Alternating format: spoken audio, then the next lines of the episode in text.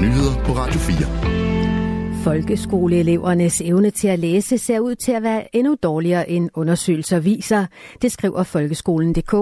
Det skyldes, at Danmark fritager flere elever for at deltage i nationale test end mange andre europæiske lande.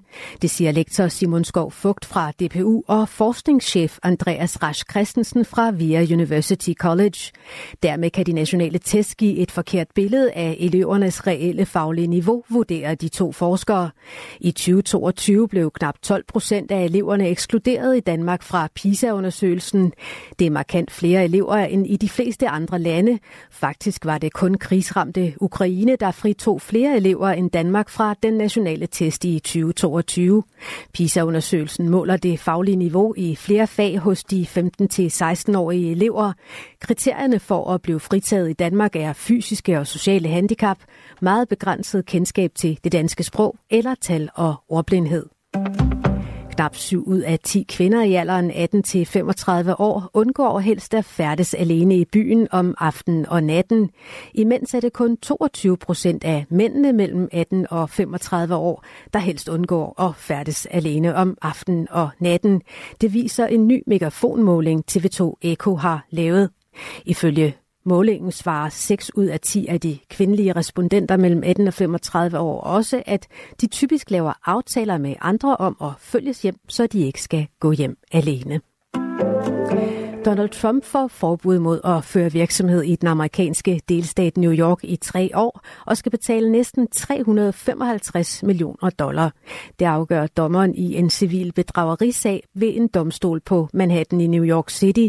Thomas Sand fortæller, Beløbet, som Trump skal betale, svarer til knap 2,5 milliarder kroner. Sagen var rejst af New Yorks justitsminister, som beskyldte den tidligere amerikanske præsident og hans familievirksomhed Trump Organization for kunstigt at have oppustet virksomhedens værdi. Det skulle være sket for at få bedre låneforhold. Trump har afvist at have gjort noget forkert og har beskrevet sagen som en personlig vendetta, anført af justitsministeren.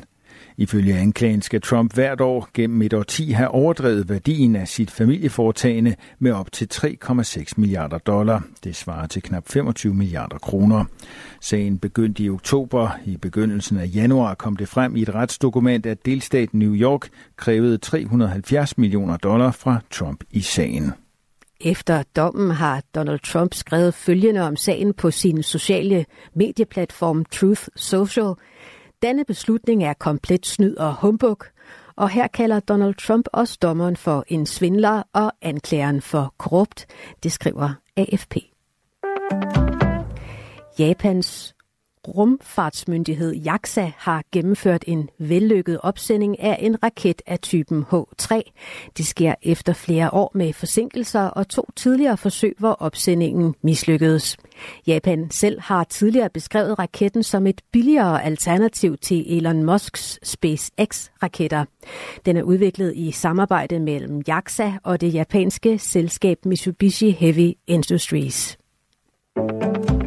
Når der i aften afholdes Dansk Melodi Grand Prix, bliver det med kendte navne. Årets deltagerliste tæller blandt andet den tidligere X-Factor-deltager Basim. Programansvarlig på DR, Erik Struve Hansen, fortæller, at DR har gjort et par ting anderledes for, at Danmark i år får en kandidat, der kan gå langt i Eurovision. Vi har justeret vores musikstrategi i år på den måde, at vi virkelig er prøvet at gå efter en sang, som både fungerer i en dansk kontekst, altså som danskerne, der sidder og ser Dansk Melodi forhåbentlig vil holde af, men som også meget gerne skulle lidt mere målrettet gå efter og klare sig godt i Eurovision. Og man kan roligt glæde sig til at slå sig ned foran skærmen i aften, lover han. Det bliver en fantastisk aften med, med otte fuldstændig forrygende artister på scenen. De er mega dygtige, og de har virkelig, virkelig gjort sig umage, og det har os, der laver showet, også, og vores værter, så Bro og Stephanie Suryk jo også gjort, og, og altså, det bliver et brag af en aften. Det er slet ikke i tvivl om. Det lyder godt. Dansk Melodi Grand Prix bliver sendt i aften på DR1 kl. 20. Og lad os kigge nærmere på vejret. Mest tørt og skyet. En opklaring med nogen eller en del sol breder sig fra nordvest. Opklaringen forventes dog ikke at nå Sønderjylland. Temperaturer mellem 4 og 9 grader. Let til frisk vind fra vest og nordvest. Det var nyhederne med Angela Brink.